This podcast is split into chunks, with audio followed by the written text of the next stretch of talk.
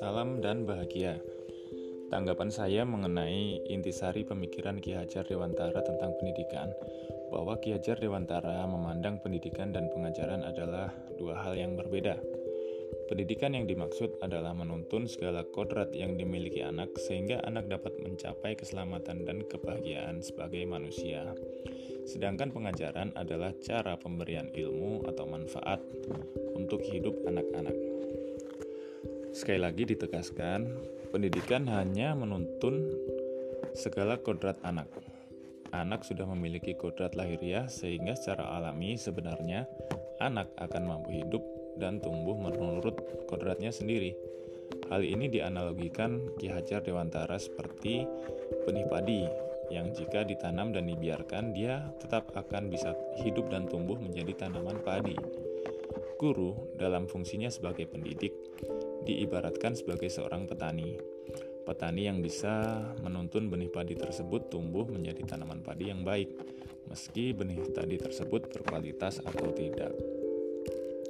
Dengan tuntunan dan arahan yang tepat, benih padi yang kurang berkualitas sekalipun mampu tumbuh baik jika sang petani bisa merawatnya dengan baik.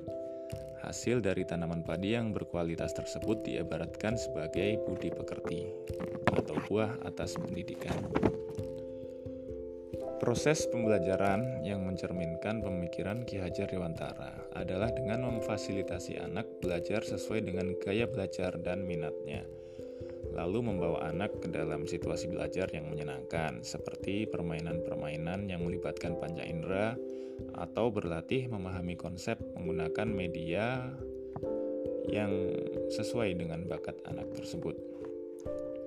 Yang saya lakukan agar proses pembelajaran yang mencerminkan pemikiran Ki Hajar Dewantara dapat terwujud adalah dengan penguatan paradigma berpikir tentang pembelajaran yang berpihak ke murid, mengeksplorasi metode-metode ajar yang menyenangkan, yang memerdekakan, yang menggali potensi terbaik anak agar dapat menuntun kodrat anak agar menjadi manusia yang bahagia.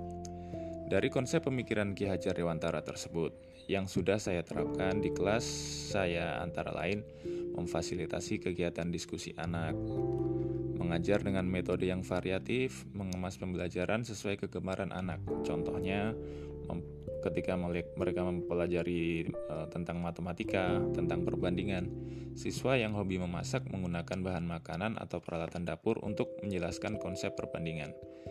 Demikian juga dengan siswa yang gemar menggambar dan memainkan alat musik, mereka menjelaskan konsep perbandingan dengan menggunakan media yang uh, dikuasainya atau disenanginya.